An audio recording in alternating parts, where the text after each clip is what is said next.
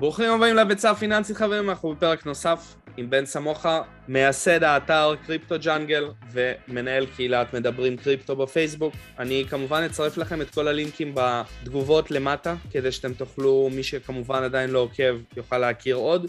אנחנו נדבר היום על קריפטו, על ביטקוין, על מטבעות פופולריים, וננסה לתת לכם כמה שיותר טיפים וכמה שיותר ערך בסרטון אחד, אז בן איתי, בן הכין לנו מצגת והרבה מאוד נושאים מעניינים. בן, תודה רבה שהצטרפת אליהם, מה שלומך? בכיף, שמח להיות כאן, שלומי טוב, מה איתך? מצוין, יש לנו הרבה דברים מעניינים לעבור עליהם היום. השוק מאוד מאוד תנודתי, אני מאמין שגם אתה, אני מקבל הרבה מאוד הודעות שאנשים תמיד שואלים מה קורה, מה הכיוון, לאן זה הולך, איך עושים ככה, איך עושים ככה, אז אני ניסיתי לקבץ כמה שיותר שאלות, כדי שאתם באמת בסרטון אחד, גם מי שמקשיב בספוטיפיי או באפל פודקאסט, יוכל להקשיב ברכב או במהלך ריצה, כדי לנסות לקבל כמה שיותר מידע. אז תישארו איתנו, אנחנו נתחיל מהשבוע האחרון שקרה, אתם אה, בטח יצא לכם לראות שהייתה עלייה מאוד חדה בהרבה מאוד מטבעות ואז חווינו שבוע אחד שקיבלנו בכמה שעות ירידה מאוד גדולה בקריפטו, הרבה מאוד אנשים נבהלו. בן, בוא תספר לנו מה קרה. כן, אז היה בהחלט שבוע מעניין, עם יום שלישי שעבר, זה היה, אני חושב, ממש בראש השנה, יום אחרי הערב חג, קיבלנו ירידות מאוד מאוד דרמטיות, שבמקרה של ביטקוין זה היה 10 אלף דולר ירידה באותו יום, אז ביטקוין כבר הגיע ל-52 אלף דולר וירד לכמעט 42 במסגרת של כמה שעות בודדות. אתה יודע, יש הרבה אנשים שינסו לשייך סיבות לכל מיני ירידות כאלה ואחרות. יש מקרים שבהם זה ברור, כמו שבמאי היה לנו עם סין, שאסרה על הקוראים הסינים לפעול במדינה. פה זה קצת פחות ברור. מה שכן היה יותר צועק זה רמת המינופים שיש בשוק. אז בשוק הקריפטו, כמו בכל שוק ספקולנטי, יש הרבה מאוד מינופים. לצערנו הרב, בשוק הזה מאוד נגישים גם לאדם הקטן, וזה מוביל להרבה מניפולציות, בעיקר כי השוק הזה הוא גם מאוד קטן בכללותו כשמדובר בכמות הכסף, וכמעט תמיד כשיש מגמה חיובית או שלילית, אבל שהיא דרמטית, כלומר שכולם נמצאים בצד אחד של המשוואה וגם ממנפים לפי זה, לוקחים הלוואות כדי להמר על סכומי כסף שאין להם, אז שם מגיע האקט הגדול, וזה בדיוק מה שקרה כאן. אז תוך פחות משעתיים הונזלו, מלשון liquidated, יותר מ-4 מיליארד דולר בשווי פוזיציות של ביטקוין ומטבעות דיגיטליים, זאת אומרת, בסך כל השוק, וזה בא ביחד עם איזושהי שבירה טכנית של קו חשוב, בעצם ביטקוין עשה את כל הדרך חזרה מה-30 עד ל-52 בתוך פחות מחודש, והגיע הזמן לאיזשהו צינון בריצה הזאת, והצינון הזה הגיע. עכשיו, היו את אלה שמאוד נבהלו מזה, מן הסתם אפשר להבין, בכל זאת לא כל יום רואים מטבעות נופלים ב-30% או יותר, ויש את אלה שמבינים שזה כרגע המשחק במרכאות בשוק הקריפטו.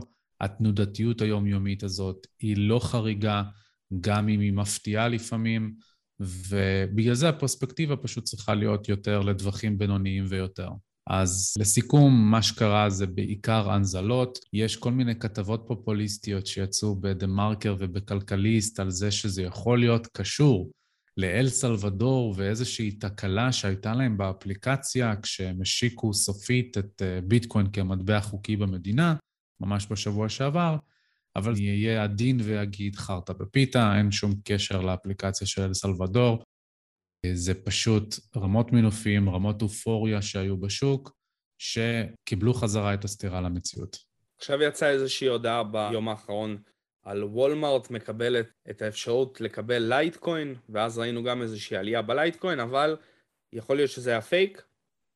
לא יכול להיות, בשלב זה זה כבר בטוח, גם אני לצערי הרב נפלתי בפייק הזה. אז ממש לפני שעתיים, אנחנו מצלמים את זה ביום שני, ממש לפני שעתיים, לכאורה יצאה הודעה רשמית של וולמארט שהיא הולכת לאפשר תשלומים בלייטקוין. רויטרס, CNBC וחדשות מיינסטרים נוספות כבר יצאו בהודעה גם הם, שהעצים לזה את האמינות.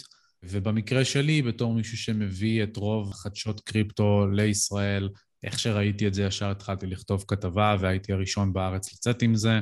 אבל ממש איך שפרסמתי את הכתבה, כבר התחילו לצאת דיווחים לזה שזה עשויה להיות הונאה, ובדיעבד, כמה דקות אחרי זה, כבר וולמארט יצא עם הודעה רשמית מהצד שלה, שמדובר בפייק ניוז.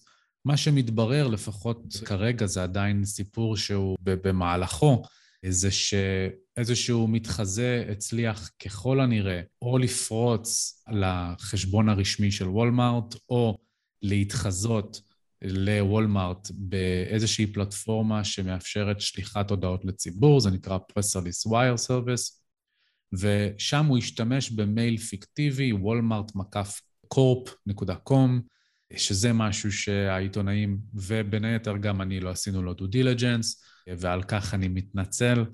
אבל בתגובה, לייטקוין המריא מ-175 דולר ל-245 דולר תוך דקות בודדות, ומאז כבר הספיק לתקן את הכל חזרה, וממש ברגעים אלה הוא נמצא, וזה אנחנו שעתיים בתוך האירוע, הוא בדיוק במחיר שהוא היה לפני שהוא פרץ למעלה. אז הוא בדיוק על 177 דולר עכשיו, שזה כמובן מצחיק וכואב בו זמנית. סיפור שגם הוא, כשמדובר בעולם הקריפטו המשוגע, הוא לא כזה חריג, וזה מה יש. תזכרו שאתם נכנסים לשוק יותר תנודתי. חלק גדול מהאנשים שגם מקשיבים לערוץ, הם מגיעים או מתעניינים בעולם שוק ההון, מניות, וכבר חלק גדול מהאנשים שעוקבים כבר הבינו את ההבדלי תנודתיות שיש בין שוק המניות לשוק הקריפטו.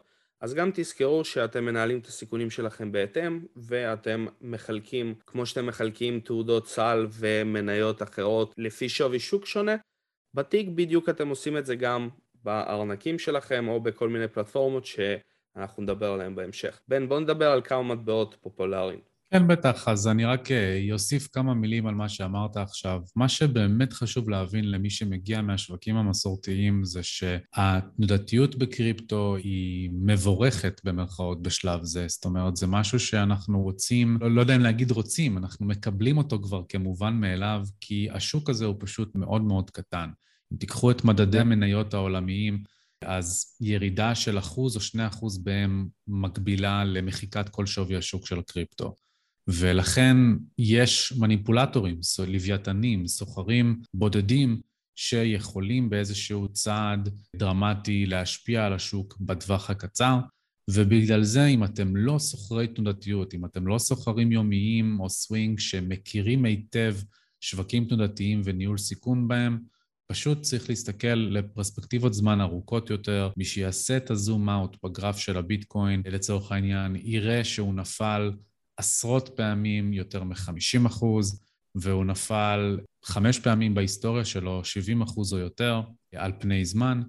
אלה ירידות שבפרספקטיבה של הסתכלות בדיעבד, היו פשוט חסרות משמעות למי שהחזיק לאורך התקופה ונטרל את הרעשים, שהרעשים הם המחיר. זה נכון גם לחלק ממטבעות אחרים, אז אם ניקח את לייטקוין, בשנת 2014 לייטקוין עלה למחיר של 80 אה, דולר, אם אני זוכר נכון, וקרס חזרה לסנטים בודדים, ירידה מ-99 אחוז. והיום, למרות ההרצת מניות שהייתה היום, למרות ההונאה הזאת שהייתה, הוא עדיין על 176 דולר, כך שמי שהחזיק את הלייטקוין מלפני 7-8 שנים, אז נהיה ככל הנראה אה, מאוד עשיר מהבחינה הזאת, כי הוא פשוט התעלם מהטווח הקצר. עכשיו בואו נעבור באמת למטבעות מובילים. לטובת מי שמקשיב דרך אפליקציות פודקאסטים, אני אשתדל לעשות את זה מובן. אני בעיקרון הולך לעבור עכשיו על הגרפים של המטבעות, כשאני אתמקד במטבעות מובילים כמו ביטקוין, איתריום, קרדנו, סולנה, שנתן בחודש וחצי האחרונים ריצה פשוט משוגעת, ואולי גם עוד שני מטבעות נוספים. אז באופן כללי, כשאני מסתכל עכשיו על גרף הביטקוין, אנחנו רואים שהמגמה הכוללת היא עדיין חיובית למטבע, אבל שבטווח הקצר זה נראה כאילו אנחנו כן בדרך לבחינה מחדש של רמת התמיכה, שזה איפה שנמצאים קונים, שתימצא באזור ה-38 עד 40 אלף דולר. למה בעצם אני אומר את זה? כשמסתכלים על ניתוח טכני, יש כמה דברים אינטגרליים שמסייעים בקבלת החלטות ובניהול הסיכונים, וחלק מהם זה מדד הפיבונאצ'י, וממוצעים נעים כמו של 50 ימים ושל 200 ימים. אז בגרף שמי שצופה מהיוטיוב רואה לפניו, אתם יכולים לראות את הממוצע 200 צבוע באדום, את הממוצע 50 צבוע בירוק, ושאנחנו נמצאים בלמעשה תיקון של פיבונאצ'י, שהגיע בדיוק לקו ה-61.8 מהנפילה של ה-64,000 עד ל-30 שהייתה באמצע יוני. אז כשאנחנו מגיעים ל-61.8, שזה יחס הזהב לפי פיבונאצ'י, אפשר ברוב המוחלט של המקרים לצפות שבביקור הראשון בקו הזה נקבל סטירה במחיר, וזה בדיוק מה שקרה כאן, זה משהו שאני הזהרתי באופן אישי בערוץ היוטיוב שלי כבר לפני כמה שבועות, שעשוי לקרות, גם אם כנרטיב אני עדיין בוליש, זאת אומרת, אני עדיין מאמין בעליות.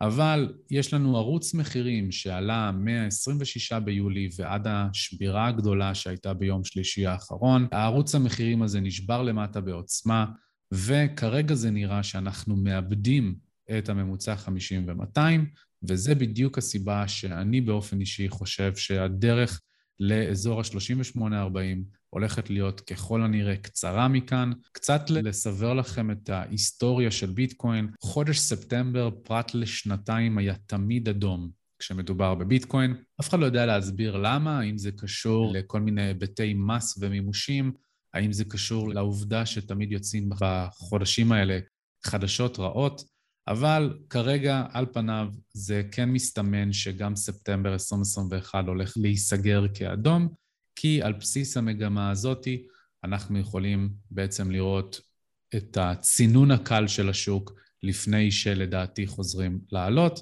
אז כפי שאמרתי, 38 עד 40 זה כרגע מה שעל הכוונת שלי. בשלב זה אני לא חושב שסביר שנאבד את ה-40. כשאני עובר להסתכל על איתריום, אז איתריום נכון להכנת הסרטון הזה, ההקלטה שלו נמצא באזור ה-3,200 דולר. וגם הוא מסתמן שעומד לאבד כאן קו חשוב שנמצא באזור ה-3,330. איתריום בסך הכל נהנה מסנטימנט מאוד מאוד חיובי בחודשים האחרונים. הסנטימנט החיובי לא מגיע רק מקהל הריטייל, מהמשקיעים הקמעונאיים הקטנים שמגיעים ונחשפים לתחום, אלא הוא מגיע גם ממשקיעים מוסדיים. אז היו לנו כמה בקשות להגשה לקרן סל על איתריום. שמאז כבר קיבלו סירוב. היו לנו כמה תעודות סל על איתריום שכבר נוצרו בקנדה, באירופה ובמקומות אחרים, והשיח בקרב משקיעים מוסדיים משתנה בגלל, בין היתר, שאיתריום עושים מניפולציה מסוימת במטבע. למה אני מתכוון? אז באופן כללי, כשמדובר בביטקוין, שינויים ברשת לא באים בקלות בכלל. והם לא באים בקלות בכלל, משום שהאידיאל בביטקוין הוא קודם כל לשמור על האבטחה ועל הביזור של הרשת, כדי שנוכל להבטיח שאף אחד לא מתעסק לנו בכסף, לא בשינוי היצע המטבעות, לא ביצירת אינפלציה מסוג חדש, שום דבר מהסוג הזה. לעומת זאת, באיתריום יהיו אנשים שיראו את זה לטובה, אני באופן אישי רואה את זה כרעה, יש מדיניות של התערבות בוטה בדברים שקורים ברשת, וזה נכון על פני זמן. אז ב-2016 הם ממש החזירו לאחור את ההיסטוריה של יומן הבלוקצ'יין של איתריום כדי להחזיר כסף מפריצה לאנשים, אז הייתה איזו גניבה של 150 מיליון דולר, ופשוט החזירו את ההיסטוריה כדי להחזיר לאנשים את הכסף. זה משהו שבביטקוין לא היה מתאפשר. מאז היו כל מיני התערבויות נוספות של צוות הפיתוח של איתריום, כשהמרכזית שבהם היא זאת שהתחלתי לדבר עליה, וזה איתריום 2. איתריום 2 זה למעשה רשת חדשה לחלוטין, שמשנה את המנגנון הסכמה שעל בסיסו היא עובדת, מנגנון הקונצנזוס. אז כיום איתריום עדיין מבוססת על הוכחת העבודה, שזה מודל שמאוד מזכיר את של ביטקוין, שיש קריאה של איתריום, ובקרוב מאוד היא הולכת לעבור להוכחת ההחזקה, שזה מנגנון שמסתמך על זה שהמשתמשים ברשת מוכרחים לנעול מטבעות לתקופה ארוכה. מה הכוונה לנעול מטבעות? proof of stake באנגלית זה הוכחת ההחזקה או הוכחת הערבות נקרא לזה, שזה אומר שכשמשתמשים נועלים מטבעות איתריום ברשת, הם למעשה מראים ליתר המשתתפים, ליתר החברים ברשת המבוזרת לכאורה, שהם מוכנים לשים ערבות, כי הם תומכים בעתיד של הרשת. ואם הם מוכנים לשים את הערבות הזאת, אז הם מצפים לקבל בתמורה דיבידנדים, תשואה שמשולמת מתוך העמלות שמשולמות ברשת על ידי המשתמשים. וזה יוצר מנגנון שמעודד למעשה הוצאת מטבעות מהבורסה, כך שמשקיעים פרטיים קונים איתריום, ואז נועלים אותו במנגנון של איתריום 2, והם עשויים להיפרד ממנו לפחות לשנה וחצי עד שאיתריום 2 יושק לחלוטין, והמשמעות היא שהיצע המטבעות של איתריום, שבסך הכל יש לנו 120 מיליון מטבעות, 117, אז כיום כבר, אם אני זוכר נכון, יש כבר יותר מ-25 מיליון מטבעות שנעולים ב staking, בלי קשר למחזיקי טווח ארוך שלא בחרו לנעול את המטבעות שלהם עדיין. אז המשמעות של זה זה שכוחות הביקוש הופכים להיות משמעותיים הרבה יותר, במיוחד כי הצוות הפיתוח הריכוזי של איתריום גם העביר עדכון שמפחית את היצע המטבעות שנמצא בסירקולציה. אז החל מלפני כחודש וחצי, מתחילת אוגוסט, מתחילים להישרף מטבעות, שזה אומר שבמקום שהם ילכו, שכשאני ואתה מבצעים עסקאות איתריום ואנחנו משלמים עמלה על העסקאות האלה, במקום שכל העמלה במלואה תלך לקוראים, כפי שקורה בביטקוין, המפתחים של איתריום החליטו שהם שורפים חלק מהמטבעות האלה, ולמעשה מוציאים אותם מהסירקולציה. בכך הם יוצרים עוד לחץ דיפלציוני, עוד לחץ שמסיר מטבעות מהבורסות ומגדיל את הביקושים, וכל זה למעשה מוביל לזה שיש הרבה מאוד כוח לקונים, או יכול להיות הרבה מאוד כוח לקונים באיתריום, ובגלל זה, אם אני חוזר לגרף שאנחנו רואים לפנינו, אז בסך הכל הסנטימנט של איתריום נראה יותר חיובי כרגע משל ביטקוין.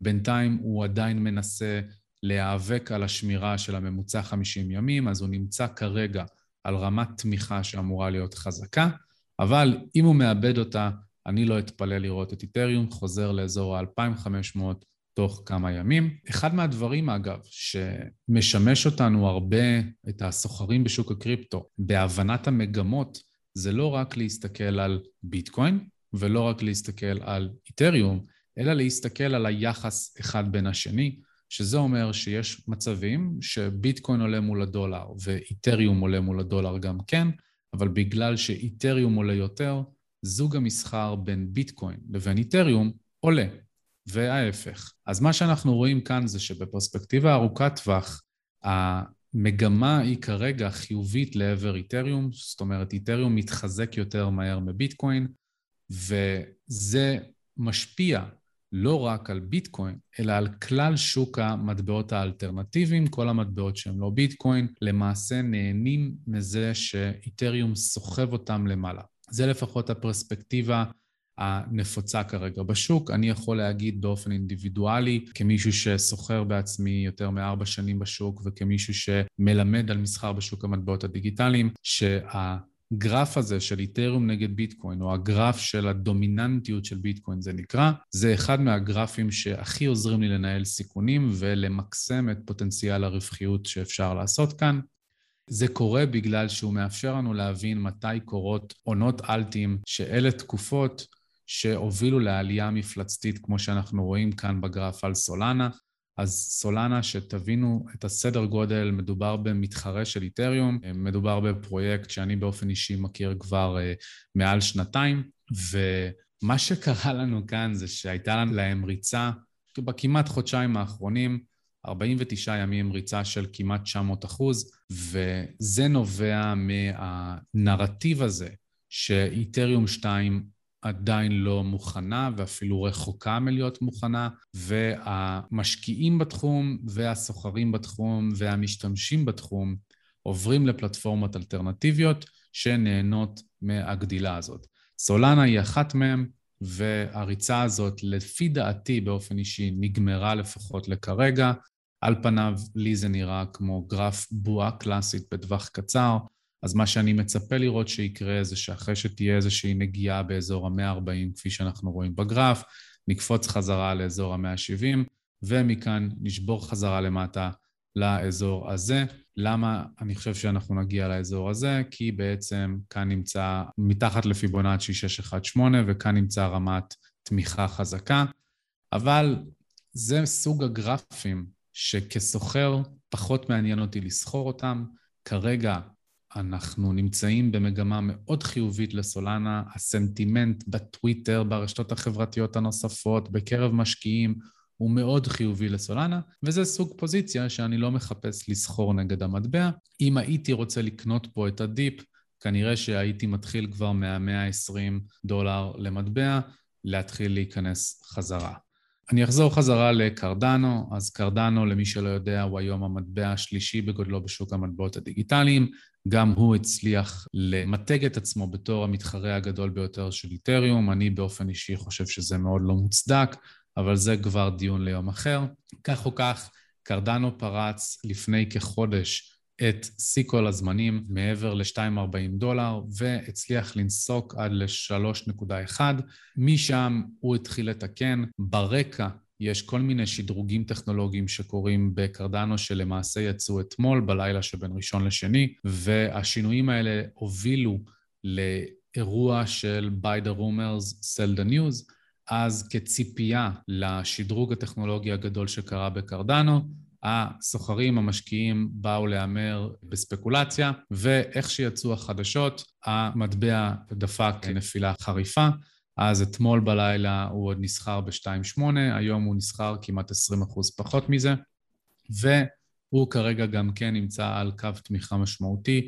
שנמצא באזור ה-2.3 דולר. הקו הזה הוא חשוב כי זה האזור של השיא הקודם ופיבונאצ'י 38.2, אבל בסך הכל כשנכנסים לרזולוציות קצת יותר נמוכות של מסגרות הזמן, זה נראה כאילו הוא הולך לאבד את הקו הזה ולהמשיך קצת יותר למטה. בעיקרון המטבע האחרון שאני רוצה לדבר עליו יהיה כבר ספתח לדבר נוסף שאנחנו תכף הולכים לדבר עליו, איגור, וזה פלטפורמות אלטרנטיביות לבייננס. אז המטבע הזה נקרא FTT. כפי שאתם יכולים לראות, הטרייד שלי כבר מסומן כאן בגרף, אז זה אחת מהאסטרטגיות שאני נשען עליהן במסחר שלי, ואיך שקיבלנו כאן את הפריצה הדרמטית הזאת, אני כבר הייתי בפוזיציה, שהגיעה גם למטרה הראשונה וגם למטרה השנייה שלה. מבחינתי הטרייד הזה לפחות לכרגע מומש, ו-FTT זה המטבע של בורסת FTX. בורסת FTX היא הבורסה שנכון לכרגע מרוויחה הכי הרבה מהבעיות הרגולטוריות שיש לבייננס, וכתוצאה היא גם נהנית מהצמיחה של המטבע שלה. למעשה, יש הרבה מאוד בורסות בתחום שיש להן מטבע דיגיטלי משלהן, עם לפעמים גם רשת בלוקצ'יין משלהן, מבוזרת לכאורה, ומה שקורה עם המטבעות האלה זה שהבורסות מעודדות את המשתמשים לנעול את המטבעות, בדיוק כמו במנגנון proof of stake, כדי לקבל עמלות זולות יותר, כדי לקבל ריביות טובות יותר, כדי לקבל תנאים טובים יותר לסוחרים ומשקיעים בבורסה, ובינתיים זה עובד מצוין, אז כמעט כל אחת מהבורסות המובילות יש להן מטבע דיגיטלי, בייננס יש לה את BNB, FTX יש את FTT, ל Huobi הסינית יש את HT, ל KuCoin יש את KCS, ל Bitfinex את לאו, וה... הטרנד הזה אה, בינתיים מחזיק מים למרות שזה בעיניי לפחות נייר ערך לכל דבר ועניין ועשוי להדליק את עיניהן של הרשויות מתישהו. כשאני חוזר לפרספקטיבת המחיר, אז FTT פרץ שיא חדש בתחילת ספטמבר, ומאז הצליח לקפוץ עוד יותר מ-20% עד שנתקל בהתנגדות שבה אני גם מימשתי את הרווחים שלי באזור ה-80 דולר. וכרגע זה נראה שהוא בדרך לכל הפחות לביקור נוסף באזור ה-60 דולר, זה לפחות הערכה שלי, ששם נמצאת התמיכה המשמעותית. אם אגב, מעניין אתכם ללמוד טיפה יותר על האסטרטגיות האלה, להבין איך אני מסתכל על שוק המטבעות הדיגיטליים, על היחסיות של ביטקוין והיתר, על איך אני נעזר גם בניתוח טכני וגם בניתוח פונדמנטלי כדי לקבל החלטות. אז אתם מוזמנים ללכת ללינק שבתיאור הסרטון, שם איגור השאיר לכם מידע על הקורס שלי, אז יש לי קורס מטבעות דיגיטליים שהוא המקיף ביותר שתוכלו למצוא בישראל, ואתם רואים אותו ממש עכשיו על המסך. הקורס הזה מורכב משלושה חלקים מרכזיים, מבוא, שזה היכרות מעמיקה, כולל היבטים טכנולוגיים מעמיקים של ביטקוין ושל מטבעות דיגיטליים, ארנקים, כולל הדרכות מעשיות עליהם, דרכי רכישה, אבטחת מידע, מיסוי ורגולציה, כל מה שצריך כדי לעשות את הצעדים הראשונים בצורה מאוד מאוד טובה. לאחר מכן אני מסביר על השקעות בתחום הקריפטו, מה זה בכלל אומר להיות משקיע, איך אני עומד סיכון בשווקים פיננסיים, ואז איך אני עומד אותם ספציפית בשוק הקריפטו, כולל חלוקה לפי רמות סיכון, חוקי בסיס למשקיע המתחיל, אסטרטגיות השקעה שרלוונטיות לשוק הקריפטו, אפילו שאלון אישיות שעוזר לכם להבין מה מבין האסטרטגיות מתאים לכם, ניהול סיכונים כמשקיע, בניית וניהול של התיק, וכמובן החלק הדרמטי והחשוב אולי ביותר, זה איך אני חוקר פרויקט של מטבע דיגיטלי, איך אני לומד עליו, איך אני לומד לסנן בין כל הרעש ובין כל ההונאות, וזה נמצא בחלק של ההשקעה. בחלק האחרון, שזה החלק של המסחר, מבחינת הנפח שלו הוא המרכזי יותר, אז יש את חוקי הבסיס לסוחר, ניהול סיכונים כסוחר, שזה עולם אחר לחלוטין, ניתוח טכני של גרפים, כולל צלילה לעומק במה רמת תמיכה אחת שונה בהכרח מרמה אחרת ולמה אני נותן לה את החשיבות הזאת, כולל מערכת המסחר שלי, שזה מה גורם לי להיכנס ולצאת מפוזיציית מסחר, להזיז מטרות, להזיז עצירת הפסד, כיצד אני מתנהג, איך אני למעשה גם מקבל את ההחלטות וגם לומד מטעויות ומניצחונות שלי. ובסופו של דבר מצטרפים גם לקהילת הסוחרים הסגורה של קריפטו ג'אנגל, ששם אנחנו שואלים שאלות, מקיימים דיונים ומשתפים הרבה מאוד רעיונות והזדמנויות שכולנו יכולים ליהנות מהם. הדבר האחרון זה שאם מישהו מכם מעדיף גרסה יותר לייבית, אז יש לי את קורס המסחר שמועבר גם כן בזום על ידי מדריך מטעמי, וגם על זה איגור ישאיר לכם לינק. עכשיו אנחנו נעבור על כמה אתרים כדי שתוכלו לקבל כמה שיותר מידע. אה, אחרי זה אנחנו נעבור על כמה פלטפורמות חוץ מבייננס, כמובן יש לנו גם סרטון הדרכה על בייננס, ויש גם הסרטונים שיצאו על בייננס. אני ארצה לתת כמה פלטפורמות אחרות, ואנחנו נדבר גם על איך להחזיר כסף לבנק, ובזה אנחנו נסיים. מעבר לזה, אם יהיה לכם עוד שאלות, אתם תמיד מוזמנים לשלוח לי הודעה בפרטי לבן, ואנחנו ננסה לעשות עוד ועוד סרטונים. כן. אז באופן כללי, למי שרוצה ליהנות ממידע בשוטף על מטבעות דיגיטליים, אני חושב שההתמקדות צריכה להיות בשלושה אפיקים שונים. אז קודם כל יש את אתרי האינדקס, שזה כמו CoinMarketCap ו CoinGecko. אלה שני האתרים המובילים שלמעשה מסכמים לנו לפי שווי שוק, לפי דברים נוספים, את כל המטבעות, נותנים על כל מטבע את כל המידע שאפשר למצוא עליו, כולל האתר הרשמי, הפעילות של הרשת, ה-white paper, שזה המסמך שמפרט מה הפרויקט עושה, היסטוריה של המחיר, כל הדברים האלה אפשר למצוא באתרים כמו CoinMarketCap ו-CoinGeeko. יש אתרי חדשות שברובם גם משלבים אפשרויות למידה. אז אתר החדשות המוביל הוא coindesk, coindesk.com, גם כן איגו ישים לכם את הלינק בתיאור הסרטון, וזה אתר שפשוט עולים בו הרבה מאוד חדשות, פודקאסטים, מדריכים וכדומה. קוין טלגרף עונה לאותו הגדרה, הוא נחשב לטיפה פחות אמין, ודקריפט גם הוא אתר מצוין, שאלה אתרי גם חדשות וגם למידה, אבל בתכלס טוויטר. בטוויטר הכל קורה, בטוויטר אם עוקבים אחרי האנשים הנכונים אפשר לגלות את כל החדשות, את כל השמועות לפני, לקבל פרשנויות מדהימות מאנשים שיודעים היטב על מה הם מדברים וכבר ביססו את המהימנות שלהם, לקבל סקופים מאתרים, ממקומות בעולם שהם יותר, נקרא לזה דיקטטורים, סין, ובגלל זה טוויטר זה המקום. ולבסוף יש אתרים גם כמו Glassnode, שזה אתר שמאפשר ללמוד את מה שקורה בבלוקצ'יין עצמו, אז זה אחד מהדרכים היותר טובות לאמוד פונדמנטלית את הפעילות ברשת של המטבע. אז הם ממש מאפשרים לדעת, לפי צ'ארטס, יש גם גרסה חינמית כמובן, את הכתובות הפעילות, את הישויות הפעילות, את כמה כסף יוצא ונכנס מבורסות, את העמלות שמשולמות ברשת, כל הדברים האלה סופר סופר חשובים, אבל זה רמה שהיא טיפה מעל. אז זה לגבי מקורות מידע. עכשיו, כשמדובר בבורסות אלטרנטיביות לבייננס, אז למי שלא יודע, אני אתן קצת סקירה ממש ממש קטנה. בייננס כרגע נמצאת במוקד של הרבה מאוד צרות רגולטוריות, היא נמצאת בחקירות בארצות הברית ובמקומות אחרים בעולם.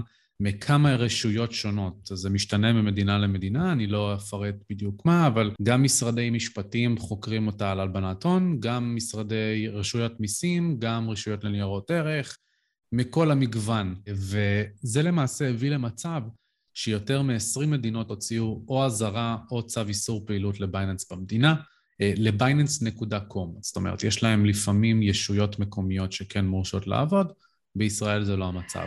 אז כפי שאמרתי, בייננס בצרות, ובגלל זה יש שתי אלטרנטיבות שהולכות וצומחות בעיקר בזכות זה. הבורסה הראשונה היא FTX, FTX התחילה את דרכה לפני איזשהו שנתיים, במאי 2019, ומאז צמחה להיות אחת מהבורסות המובילות בתחום, במיוחד בחודשים האחרונים. אז סתם שתבינו את הסדר גודל, המייסד של FTX הוא בעצם התורם השני בגודלו לביידן, מולטי מיליארדר מהתחום של הקריפטו. שכבר מניע תהליכים כמו שת"פים עם תום בריידי, הוא קנה את הזכויות על האיצטדיון של מיאמי היט ועושה שיתוף פעולה עם סטף קרי, השחקן ה-NBA. ובקיצור, הוא מנסה להביא את FTX להמונים ובינתיים זה עובד לא טוב. כי גם הפיצ'רים של הפלטפורמה הם מאוד דומים לשל בייננס, מאוד מזכירים את של בייננס, והשימוש בפלטפורמה, חוויית המשתמש מאוד מאוד נוחה. אז אני באופן אישי עכשיו משחק עם שתי האלטרנטיבות, עם FTX ועם קראקן, שאני מיד אסביר עליה, ובינתיים אני אוהב טיפה יותר את FTX. הבעיה שעשויה להיות עם FTX זה שבדיוק כמו שלבייננס עכשיו יש צרות אחרי ארבע שנים של פעילות שהם די זרקו על רגולציה, אותו דבר יכול להיות ל-FTX בגלל השנתיים הראשונות שלה ובעתיד.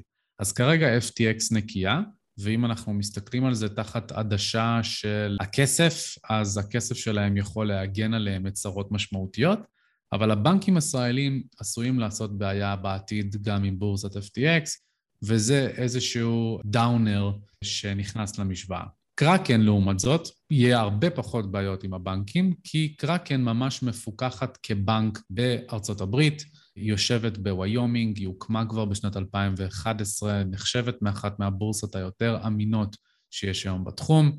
הבעיה עם קראקן זה שאחד, לוקח לה בדרך כלל יותר זמן להכניס מטבעות חדשים למסחר, וזה כי היא מחכה לסוג של ודאות רגולטורית שהיא לא מכניסה ניירות ערך למסחר, והבעיה המשמעותית ביותר שלה זה שחוויית המשתמש שלה כאילו מאוד מותאמת למשקיעים מסורתיים גדולים, אז היא פשוט לא, לא, לא אינטואיטיבית, לא, לא כיף לסחור בה, או לפחות לא כיף לפתח בה את ההרגלים.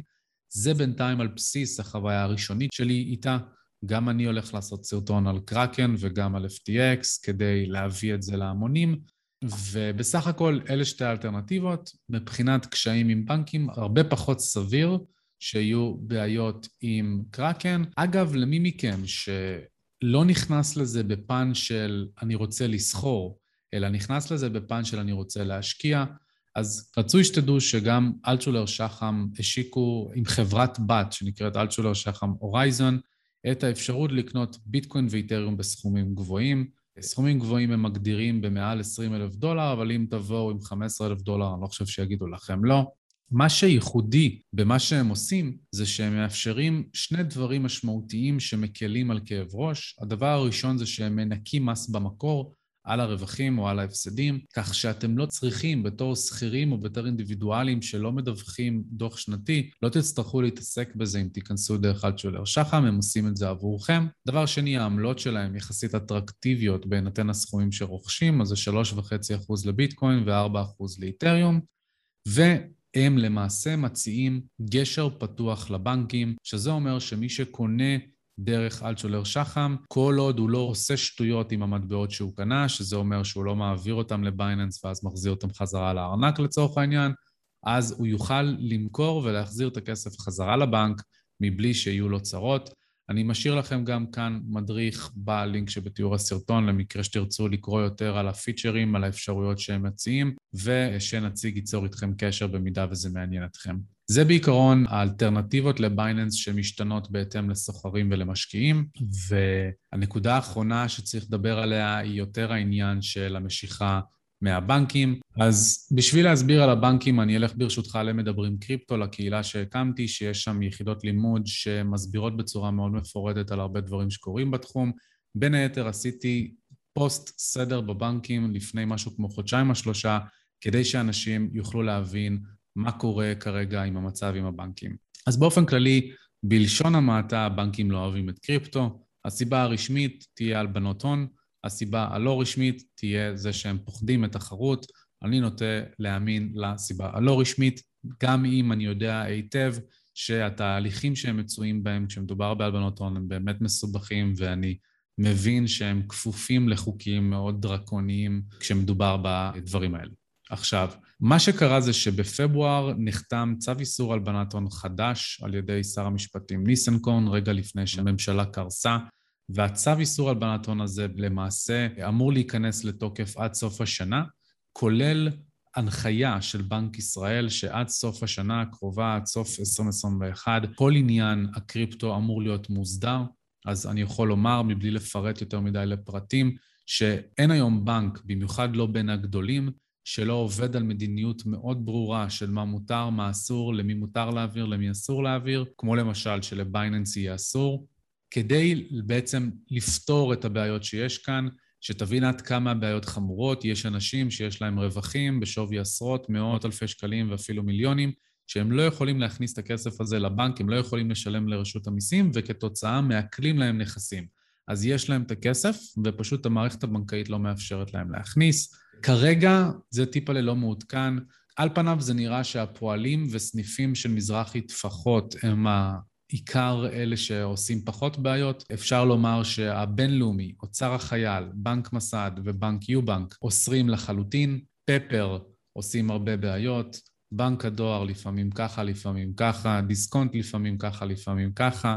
לאומי זה מסתמן של לאחרונה, לפני משהו כמו חודש, הם הוציאו הנחיה שהם מפסיקים לאפשר כל תשלום ל או מבורסות קריפטו, גם ישראליות, ומה שעושים אם הבנק מסרב זה או הולכים בדרך הקשה או הולכים בדרך הפחות קשה. הדרך היותר קשה זה להתחיל לדרוש מהם את זה בכתב, לאיים בעזיבה, כמובן שככל שההון שמוחזק בבנק יותר גדול, ככה יש לכם יותר כוח לשכנע את הבנק שאתם לא פושעים משום מה. להגיש תלונות ואפילו לעדכן את איגוד הביטקוין בטופס שאתם יכולים למצוא כאן. והאופציה הנוספת היא לנסות את נותני השירותים השונים. אז יכול מאוד להיות שפשוט יהיו נותני שירותים אחרים כמו ביטין או Bitcoin Change, שזה לא יעבור ברדאר של הבנקים. כמובן שצריך לזכור את חוק המזומן, אז יש הגבלה למי שרוצה לממש את זה בסכומים גבוהים. אבל אם הסכום לא כזה גבוה, כנראה שעדיף פשוט לסיים עם זה במזומן ולא להתעסק עם הבנקים. הדבר האחרון שאני רוצה להגיד מהפרספקטיבה הזאת זה שהאופציה הנוספת היא פשוט לעבור בנק, ללכת ולחפש את הבנק שכן, מסניפי הפועלים, מסניפי מזרחי טפחות או דיסקונט, להגיד להם מראש, יש לי מטבעות דיגיטליים או שאני מעוניין לקנות מטבעות דיגיטליים, האם אתם הולכים לחסום לי, ולעבור ככה. אה, אני מקווה שבשבועות הקרובים אני אוכל להוציא רשימה יותר מסודרת, אבל בתכלס זה פשוט כל הזמן משתנה, ואני כל הזמן מקבל על סניפים מסוימים, פעם שכן אפשרו, פעם שלא אפשרו, ולכן הפסקתי להתעסק בזה יותר מדי. אבל יש לכם ככה רשימה כללית של בנקים שעושים כאן את הבעיות, והדרך הנוספת להסתכל על זה, זה פשוט לא לחפש לממש את הרווחים מחר.